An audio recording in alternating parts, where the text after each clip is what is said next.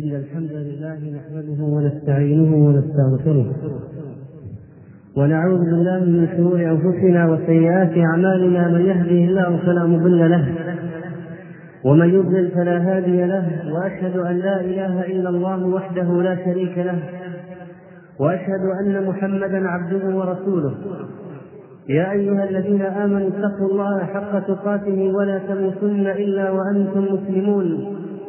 يا أيها الناس اتقوا ربكم الذي خلقكم من نفس واحدة وخلق منها زوجها وبث منهما رجالا كثيرا ونساء واتقوا الله الذي تساءلون به والأرحام إن الله كان عليكم رقيبا يا أيها الذين آمنوا اتقوا الله وقولوا قولا سديدا يصلح لكم أعمالكم ويغفر لكم ذنوبكم ومن يطع الله ورسوله فقد فاز فوزا عظيما.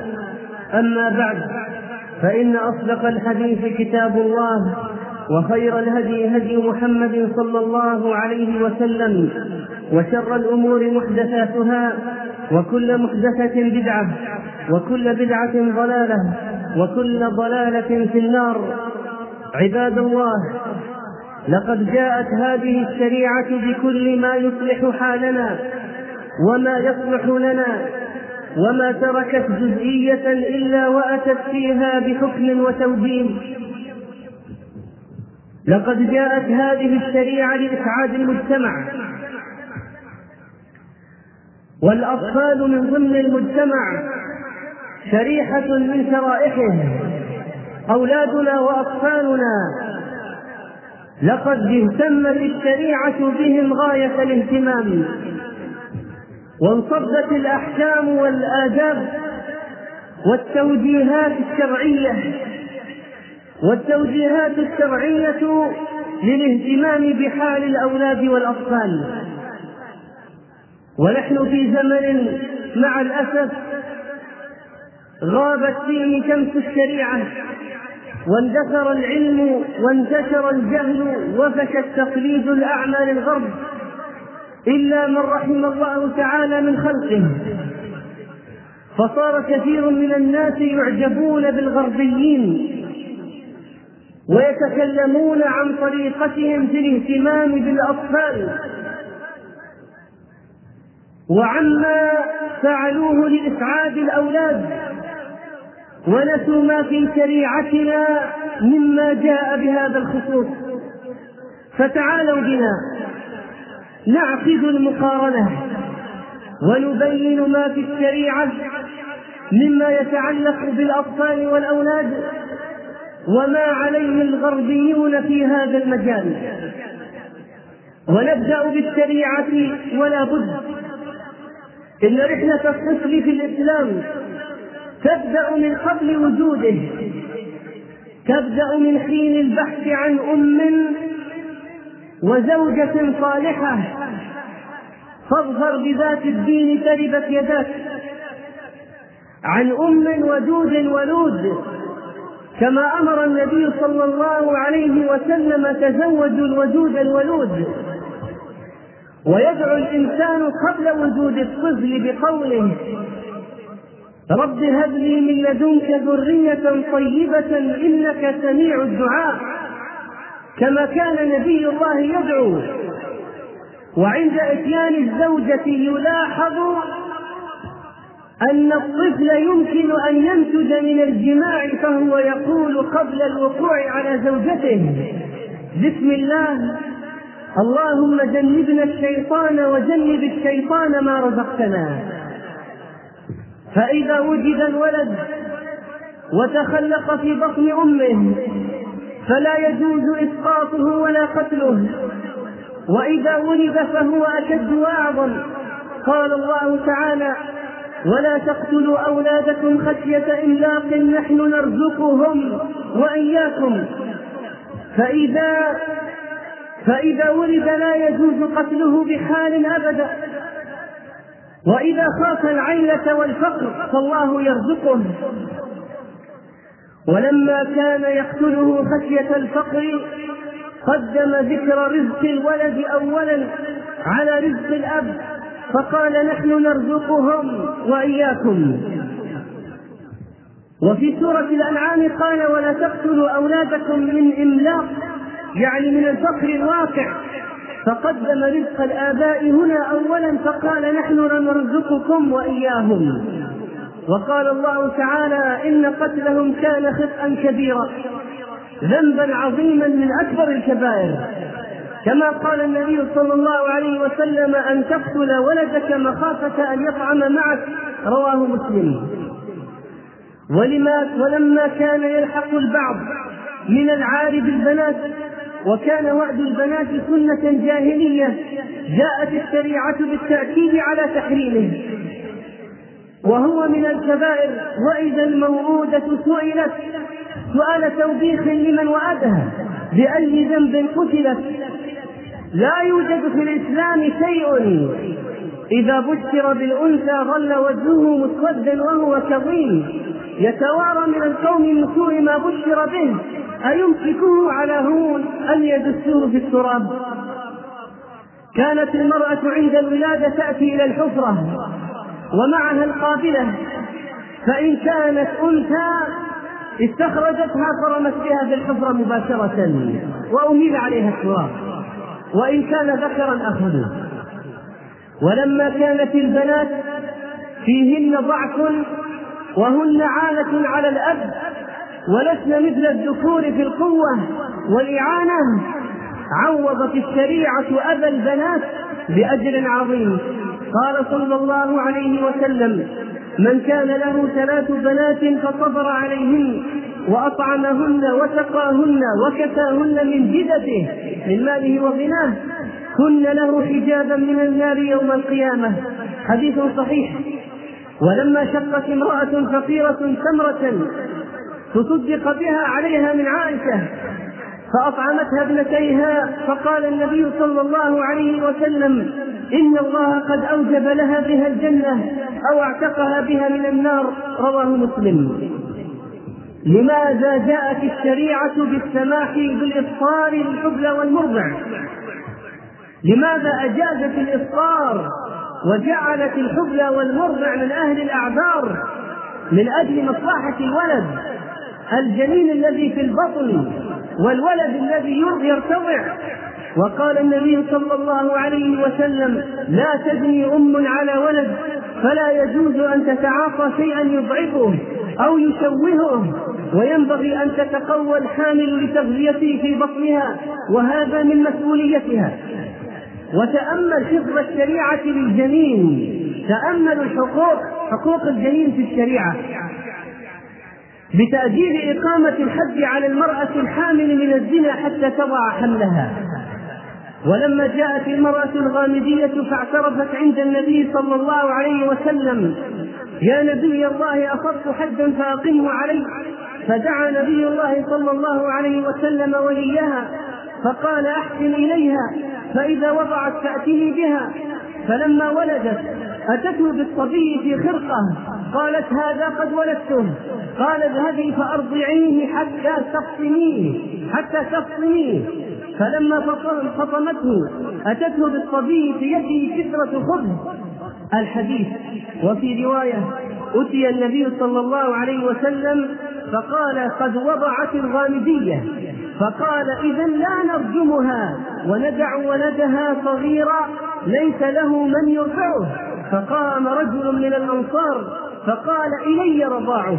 يا نبي الله قال فرجمها.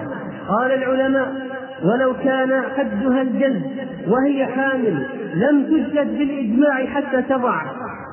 ومن تعدى على الجنين في بطن أمه فأسقطه فالحديث في ديته واضح كما رواه البخاري في المرأتين من هذين اللتين اقتتلتا فرمت إحداهما الأخرى بحجر فأصابت بطنها وهي حامل فقتلت ولدها الذي في بطنها فاختصموا إلى النبي صلى الله عليه وسلم. فقضى أن دية ما في بطنها غرة عبد أو أمة. فقال ولي المرأة التي غرمت كيف أغرم يا رسول الله؟ من لا شرب ولا أكل. سقط من بطن أمه. كيف أغرم من سلم لا كذب ولا أكل؟ ولا نطق ولا استهل. ما صرخ عند ولادته. فمثل ذلك يطل يعني يهدر ولا يضمن. فقال النبي صلى الله عليه وسلم إن هذا من إخوان الكهان. الكهان الذين يسجعون بمثل هذا السجع. فإذا الجنين إذا اعتدي عليه فسقط له دية قيمة عبد تدفع. قال ابن قدامة رحمه الله الحامل إذا شربت دواء فألقت جنينا فعليها الغرة والكفارة. تدفع الغرة أو قيمة العبد إلى ورثة الجنين. والكفارة عليها أيضا. قال العلماء إذا ماتت الحامل وفي بطنها جنين يا عباد الله انظروا إلى حقوق الجنين في الشريعة. ولو ماتت امرأة حامل والولد حي يتحرك قد تجاوز ستة أشهر يشق بطنها طولا ويخرج الولد. لقوله تعالى ومن أحياها فكأنما أحيا الناس جميعا. ومن تركه عمدا حتى يموت فهو قاتل نفس إذا يستعمل الأطباء من الوسائل الأسهل لاستخراج ما في بطنها. فإذا كانت امرأة كتابية كافرة وفيها حمل من زوج مسلم فماتت فأين تدفن؟ في بطنها جنين مسلم. دفنت في طرف مقبرة المسلمين. فلا تدفن مع المسلمين لئلا يتأذوا بعذابها ولا تدفن مع الكفار لئلا يتأذى ولدها المسلم بعذابهم. هذا كلام الإمام أحمد رحمه الله تعالى. ومن حفظ الشريعة لحقوق الجنين أنه إذا مات أبوه مثلا وهو في بطن أمه لا يدرى ذكر أو أنثى توأم أو واحد فإن الورثة يقتسمون بحيث يجعل له النصيب الأوفر احتياطا ويأخذون هم الأقل احتياطا يبنون على أنه أنثى مثلا ويقتسمون حتى إذا كان ذكرا يكون ماله محفوظا. الاحتياط من أجل الجنين وأما السقط فإن له أحكاما. قال النبي صلى الله عليه وسلم والسقط يصلى عليه ويدعى لوالديه بالمغفرة والرحمة. رواه أبو داود وهو حديث صحيح الإسناد. قال العلماء إذا نفخ فيه الروح يغسل ويصلى عليه احتراما للسقف هذا احترام للسقف جاءت به الشريعة. فإذا ولد المولود فإنه يجرى له إجراءات كثيرة في الشريعة. تأملوا تكريم الشريعة للولد للطفل الذي يولد. جاءت بأشياء تدل على أنه قد حدث أمر مهم وليس مجرد أرحام تدفع ولا مجرد ولد خرج وإنما يحتفى به غاية الاحتفاء ويكرم غاية التكريم. الشريعة تكرم الطفل من مبدأ أمره فيحنث فتلين الثمرة حتى تصير مائعة بحيث تبتلع ويفتح فم المولود ويضعها فيه ويدعى له بالبركة كما ثبت عن النبي صلى الله عليه وسلم. ويجب إثبات نسبه لأبيه. الشريعة تعتني غاية الاعتناء بقضية النسب لما يترتب عليها من الأحكام في المحرمية والميراث والحضانة وأشياء كثيرة تترتب على قضية النسب. فأنساب أولادنا ليست ضائعة في الشريعة بخلاف أنساب أولادهم. من أولاد الزنا وأدعيائهم ومن ينسب إلى غير أبيه بكل سهولة. ومن ينتقل عن أبيه الحقيقي قانونيا في المحكمة لديهم.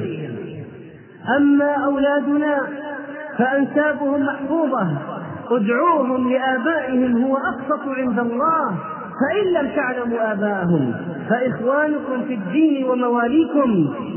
ولإثبات النسب جاءت الشريعة بحديث الولد للفراش وللعاهر الحجر. الولد للفراش فمن ولد على فراشه فهو ولده. وهذا أقوى شيء في الموضوع لا يلتفت إلى غيره. وإذا أقر بالنسب ألحق به وإذا قامت البينة على النسب فكذلك. بل يستعمل القافة الذين يعرفون آثار الأقدام وتخطيطات الأرجل والملامح والشبه لإثبات النسب في حالة تعذر معرفته. ويلحق الولد بأبيه ولو عرض بنفيه فإنه يلحق به. ولو خالف لونه لون أبيه لحديث الرجل الذي قال للنبي صلى الله عليه وسلم ولد لي غلام أسود يعرض بنفي الولد لم يصرح. الحديث وفيه قال النبي عليه الصلاة والسلام فلعل ابنك هذا نزعه عرق فخرج لجد قديم من أجداده. والانتفاء من الولد الشرعي كفر كما نص عليه الحديث الصحيح عن النبي صلى الله صلى الله عليه وسلم. كفى بامرئ ادعى نسبا لا يعرفه. كفر بامرئ ادعى نسبا لا يعرفه أو جحده وان دق رواه أحمد وهو حديث حسن. فإذا جحد إنسان ولده الشرعي اتهمته الشريعة بالكفر تغليظا لهذه الجريمة. ولو زنت المرأة وهي على فراش زوجها فالولد ولده لحديث الولد للفراش ما لم ينفيه ويتبرأ منه ولا يجوز له نفيه إلا ببينة وحجة شرعية. فإذا نفى الولد يلحق بأمه كما جاء في الحديث أن النبي صلى الله عليه وسلم لاعن بين الرجل وامرأته فانتفى من ولدها ففرق بينهما وألحق الولد بالمرأة. رواه البخاري ومسلم. ولا ينتفي إلا إذا نص على نفيه كما ذكر ذلك الإمام الشافعي رحمه الله تعالى. فإن لاعن المرأة من غير أن ينفي الولد فالولد ولده. كل ذلك حفظا لنسب الولد حفظا لحياة الولد في المستقبل حفظا لمكانة الولد في المجتمع. وحق الولد في الرضاع محفوظ. قال الله عز وجل والوالدات يرضعن أولادهن حولين كاملين لمن أراد أن يتم الرضاعة وعلى المولود له رزقهن وكسوتهن بالمعروف. لا تكلف نفس إلا وسعها. لا تضار والدة بولدها ولا مولود له بولده. قال بعض أهل العلم هذا أمر في سورة الخبر. يرضعن أولادهن؟ يعني فليرضعن أولادهن. فيجب عليها خصوصا إذا لم يقبل غير ثديها وتأثم لو لم ترضعه في هذه الحالة. ولا يفطم قبل السنتين إلا بالتراضي والتشاور بين الأبوين. لقوله تعالى فإن أرادا فصالا عن تراض منهما وتشاور فلا يحق لأحد الأبوين أن يتفرد بقرار خصم الولد. تصوروا وتأملوا. قضية خصم الولد المتعلقة بتغذيته ليس حر ليس الأب حرا فيها. ولا الأم لا بد من قرار مشترك. مبني على مصلحة الولد. عن فإن أراد فصالا عن تراض منهما وتشاور. وربما يحتاجان إلى مشاورة الطبيب. كل هذا احتياط لسلامة الطفل وتغذيته ومصلحته جاءت به الشريعة. أسمى شريعة. ويسميه أبوه. ويختار له اسما حسنا.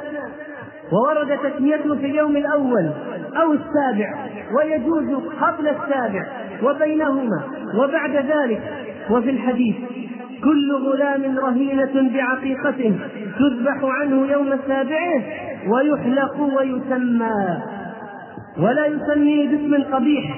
وقد غير النبي صلى الله عليه وسلم اسم عاصية إلى جميلة وغير اسم أصرا إلى زرعة حديث حسن ولإشعار الولد والطفل بالمسؤولية وبأنه كبير ولتزداد ثقته بنفسه. شرعت تكنيته وقال النبي صلى الله عليه وسلم يا أبا عمير ما فعل النغير؟ طائر كان الولد يلعب به. يا أبا عمير وهو أخ صغير لأنس بن مالك. وقال هذا سنة يا أم خالد وكانت فتاة صغيرة. تصوروا وتأملوا وتفكروا يا عباد الله كيف تزرع الشريعة المسؤولية في نفس الطفل. كيف يشعر الطفل بأنه كبير. كيف يحس بثقله. يا أم خالد يا أبا عمير يا فلان يا أبا فلان وهو ولد صغير. ولتكريم الولد تذبح عقيقته. ينفق من أجل ذلك المال وينهر الدم في يوم سابعه تكون سليمة تذبح ولا يتصدق بثمنها ومن فائدتها فك المولود من أسر الشيطان. للحديث كل غلام مرتهن بعقيقته. فلفك تسلط الشيطان عليه. تذبح العقيقة. قال الإمام أحمد رحمه الله في من استقرض للعقيقة؟ استلف استدان رجوت أن يخلف الله عليه أحيا سنة. شاتان مكافئتان عن الغلام وتجوز واحدة لحديث عق عن الحسن والحسين كبشا كبشا. وعن الجارية البنت شاة واحدة لا يمس رأسه بشيء من دمها وهذه عادة جاهلية قد أبدلتها الشريعة وجاءت بدهن رأس الولد بالزعفران وهو ذلك الماء طيب الرائحة ويحلق رأسه إماطا الأذى عن رأسه ويتصدق بوزنه ذهبا أو فضة أو ما يقابلهما من المال. ويختن الذكر وجوبا وهو قطع الجلدة التي تغطي الحشفة بحيث تنكشف كلها مراعاة للولد ولذكر الولد ولطهارة الولد ولجمع الولد في المستقبل. حماية من تراكم الإفرازات ما بين الحشفة والجلد وكذلك الوقاية من آثار البول ولا بأس بختان المرأة لحديث إذا مس الختان الختان فهناك ختان في الرجل وختان في المرأة. فقد وجب الغسل فإذا دعت الحاجة إلى ختانها.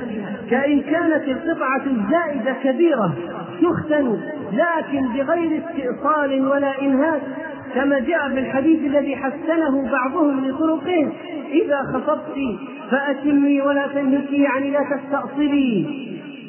لأنه أحظى للبعد في المستقبل.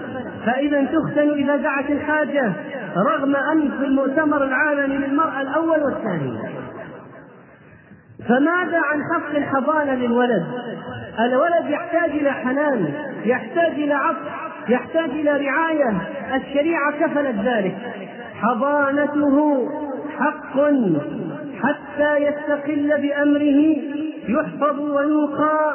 من جميع الأضرار والشرور جعلت للأم الحضانة في حال انفصال الزوجين لأنها أعرف بتربيته وأقدر على ذلك وأصبر وأرأف من الأب.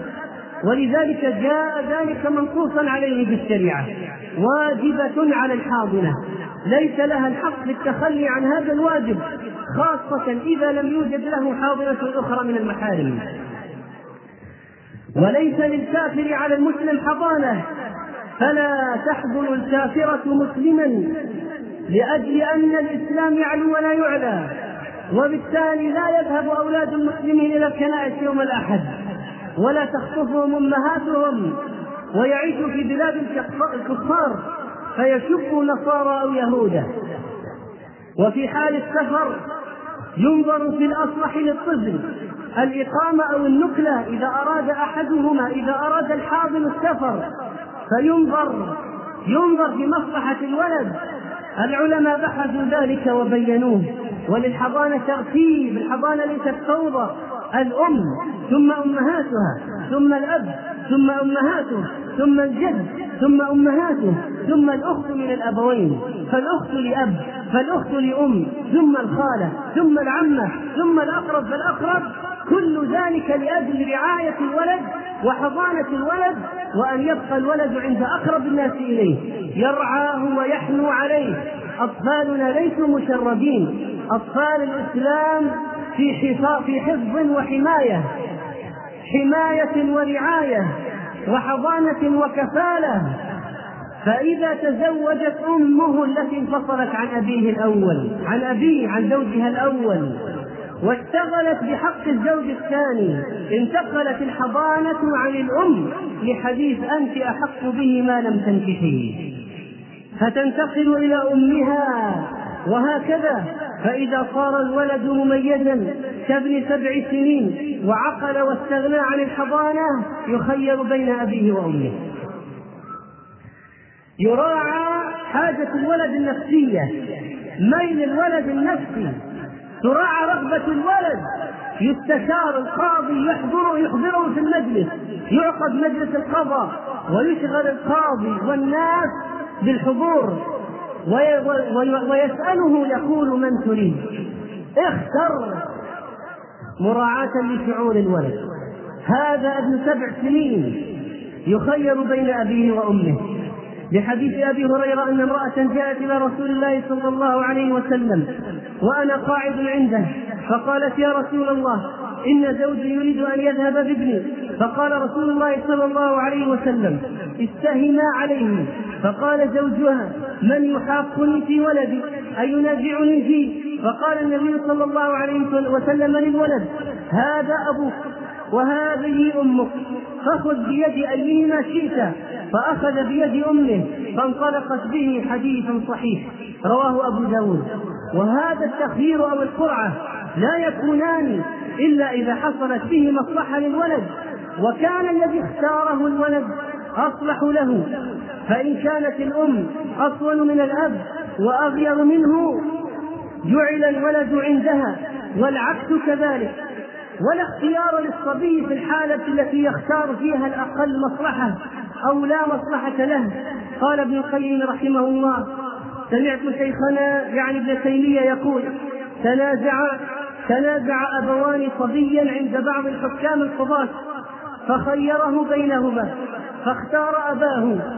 فقالت أمه للقاضي سله لأي شيء اختار أباه؟ فسأله فقال الولد أمي تبعثني كل يوم للكتاب مدرسة تحفيظ القرآن. والفقيه يعني الذي يحفظني ويعلمني يضربني وأبي يتركني ألعب مع الصبيان. فقضى به للأم وقال أنت أحق به. هي تذهب به للكتاب وذاك يضيعه يتركه يلعب في الشارع مع الصبيان. فالأحق هو الأنفع للولد. فتراعى مصلحة الولد. وإذا أسلم أحد الأبوين فالولد مع المسلم منهما. فإذا صار اللقيط موجودا. ووجد ولد لقيط لا يدرى من أبوه ملقى في الشارع في مكان ما.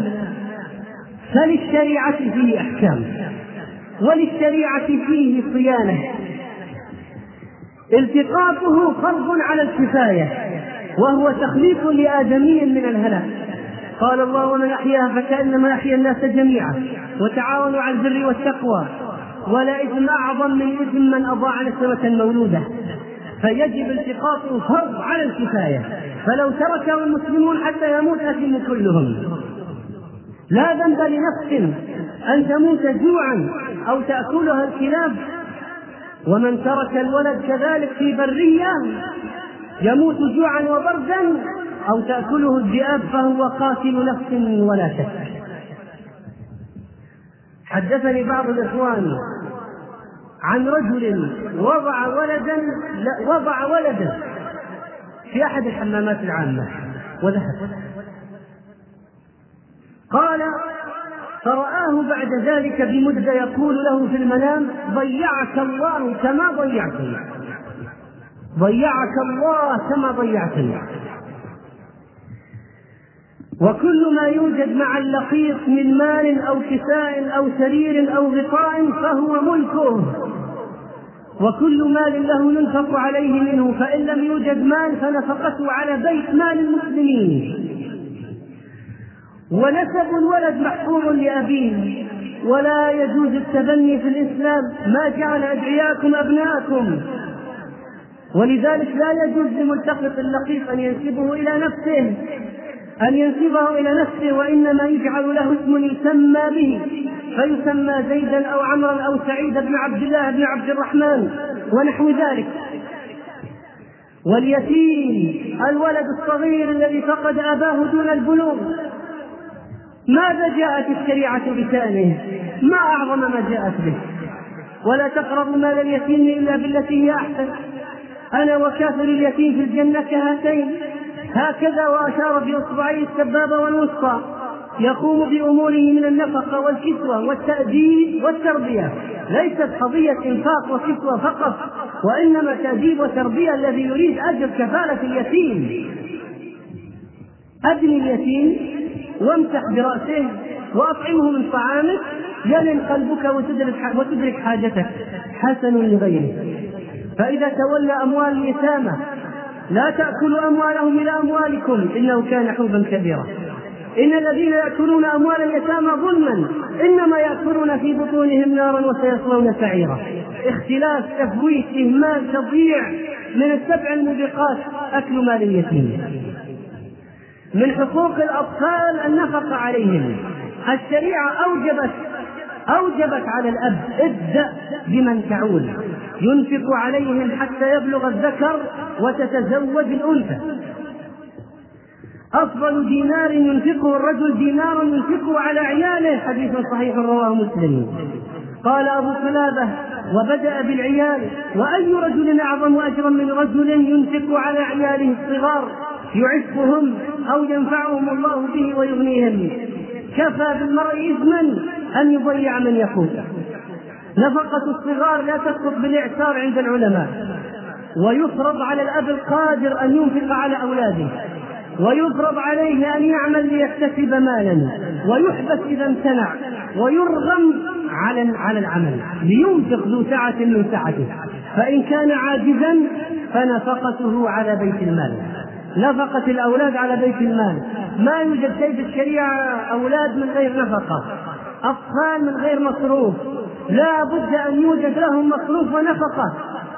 ومن تكريم الشريعة للطفل أنها شرعت صدقة الفطر عنه. فرض رسول الله صلى الله عليه وسلم زكاة الفطر على الصغير والكبير وتستحب على عن الجنين في بطن أمه. الإسلام يهتم بمشاعر الطفل. العدل بين الأولاد واجب في الهدايا والألعاب والعيديات والأعطيات إلا ما اقتضت المصلحة التفاوت فيه. وما وجد سببه اتقوا الله واعدلوا بين أولادكم. وتربية الولد مسؤولية واجبة. كلكم راع وكلكم مسؤول عن رعيته. مروا أولادكم بالصلاة لسبع واضربوهم عليها لعشر وفرقوا بينهم في المضاجع. قال ابن القيم رحمه الله فمن أهمل تعليم ولده ما ينفعه فقد أساء إليه غاية الإساءة. وأكثر الأولاد إنما جاء فسادهم من قبل الآباء. من جراء ترك تعليمهم فرائض الدين وسننه فأضاعوهم صغارا فلم ينتفعوا بأنفسهم ولم ينفعوا آباءهم كبارا.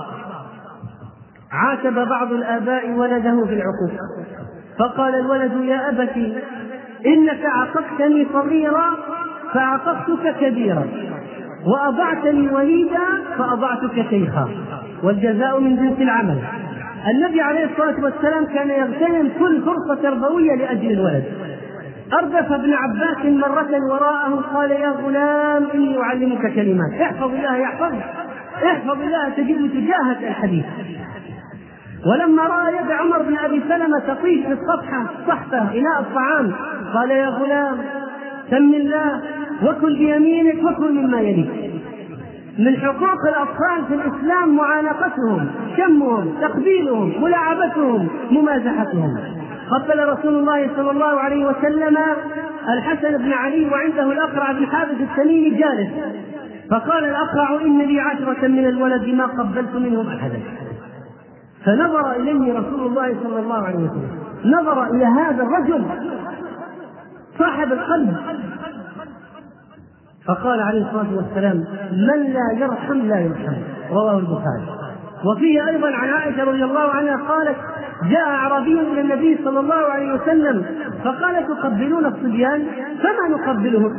فقال النبي صلى الله عليه وسلم أو أملك لك أن نزع الله من قلبك الرحمة؟ وكان عليه الصلاة والسلام ينطلق من مسجده إلى العوالي إلى ضئر إبراهيم مرضعة ولده ليقبله ثم يرجع والحديث في صحيح مسلم. وكان يأخذ الحسن بن علي أو الحسين فيقعدهما على فخذه يلاعبهما ويحملهما وحمل أمامة وحمل أمامة بنت زينب في الصلاة فإذا سجد وضعها وإذا قام حملها. ومرة أطال السجود حتى خشي الصحابة شرا. فرفع واحد رأسه فوجد النبي صلى الله عليه وسلم ساجدا والولد على ظهره. فلما انتهت الصلاة سألوه وأخبرهم قال إن ابني ارتحلني. فكرهت أن أعجله حق الولد في اللعب حتى والنبي عليه الصلاة والسلام في الصلاة. لا يعجله عن حاجته. اللعب له البريء من حق الطفل. أن يلعب وأن يلهو وأن يتبع رغبته في ذلك. وكان عليه الصلاة والسلام يقول يا زوينب يا زوينب ومد مجة في وجه محمود بن الربيع وهو صغير. ولا يجوز الدعاء على الولد ولا لعنه ولا سبه. قال عليه الصلاة والسلام لا تدعوا على أنفسكم ولا تدعوا على أولادكم. وإذا استجنح الليل فكفوا صبيانكم فإن فإن الشياطين تنتشر حينئذ. فإذا ذهب ساعة من العشاء فخلوهم. رواه البخاري. من غياب الشمس إلى اشتداد الليل يحدث الأطفال في البيت لأن للجن انتشارا وخطا الشريعة تحافظ على الأولاد وتحفظهم من الشياطين ومن الجن. ورقية الصبيان في الحديث الصحيح. ما لصبيكم هذا يبكي؟ فهل استرقيتم له من العين الرقية في القران والأدعية المشروعة؟ وكان يعود الحسن والحسين. وكان عليه الصلاة والسلام يشعر الصبيان بوجودهم يشعرهم بأهميتهم فإذا مر بالصبيان سلم عليهم كما في الحديث الصحيح. لا يقال ولد بزر جاهل الناس يسمونه جاهل يسلم عليهم. ومرة شرب وكان عن يمينه غلام وعن يساره الأشياخ فقال يا غلام أتأذن لي أن أعطيه الأشياخ؟ الرسول عليه الصلاة والسلام يقول الغلام يا غلام أتأذن لي أن أعطيه الأشياخ؟ فقال ما كنت لأوثر بفضلي منك أحدا يا رسول الله؟ فأعطاه إياه. إذا أتي بأول الثمر دعا بالبركة وأعطاه لأصغر الأولاد عنده. لعب عائشة كانت موجودة في البيت وكان يسألها عليه الصلاة والسلام. لما كشفت الهواء الستر عن بنات عائشة اللعب قال ما هذا يا عائشة؟ قالت بناتي ورأى بينهن فرسا له جناحان. من رقاع. فقال ما هذا الذي أرى وسطهن؟ قالت فرس. قال وما هذا الذي عليه؟ قالت جناحان. قال فرس لها جناحان.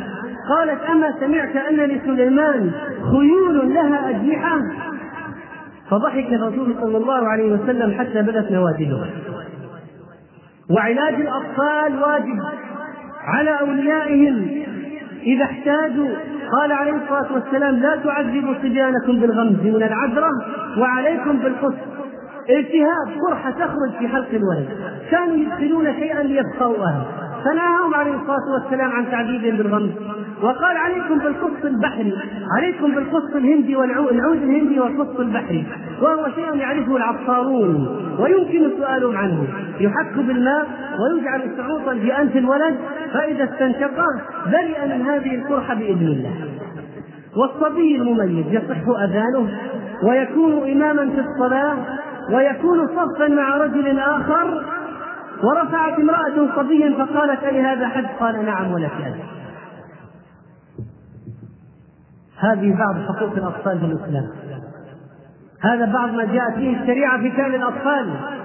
فهل يوجد أسمى من هذا الدين وأعظم من هذا الشريعة؟ فكف من هذه الشريعة فكفا خداعا بالغرب والشرق ولنعد إلى هذه الشريعة. نسأل الله تعالى أن يحفظنا وأهلنا وأولادنا من كل سوء. ونسأله عز وجل أن يرزقنا تربيتهم وحسن القيام بشؤونهم. إنه سميع مجيب قريب. أقول قولي هذا وأستغفر الله لي ولكم فاستغفروه. إنه هو الغفور الرحيم. وافتحوا لإخوانكم يفتح الله لكم.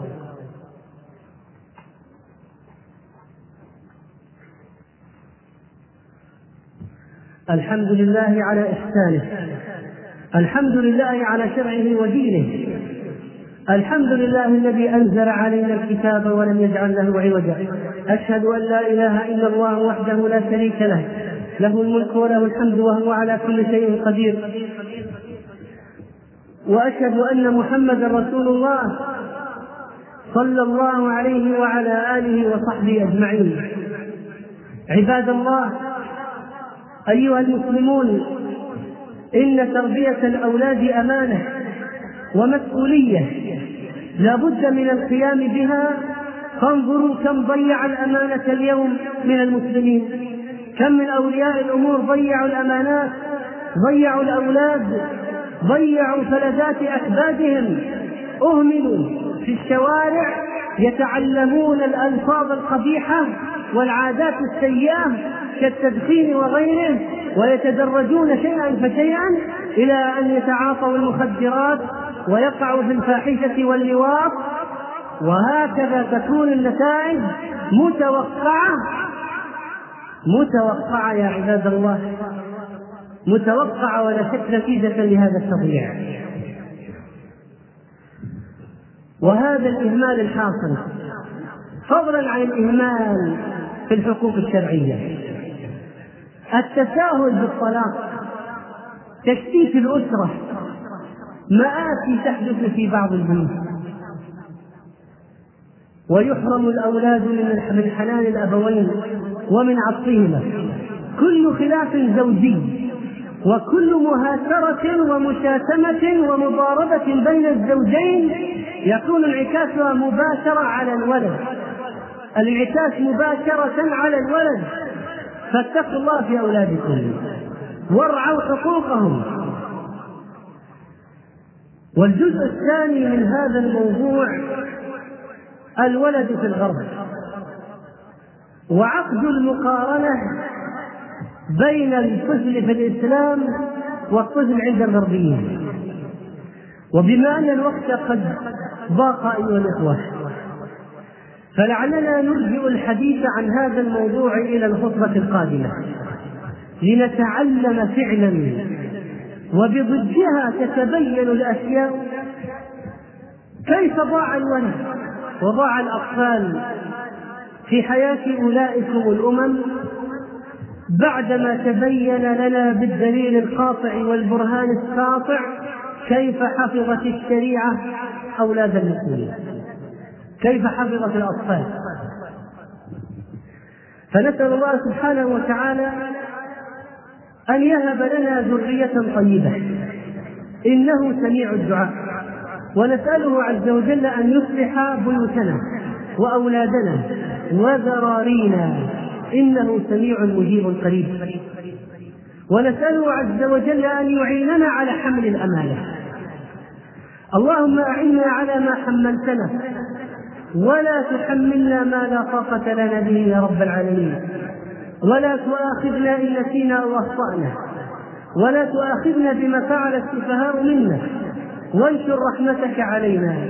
ارزقنا الأمن والأمان في ديارنا. وبلداننا وبلدان المسلمين. يا أرحم الراحمين ويا رب العالمين انشر علينا الأمن والإيمان. واحفظنا بحفظك. إنك أنت خير حافظا وأنت أرحم الراحمين.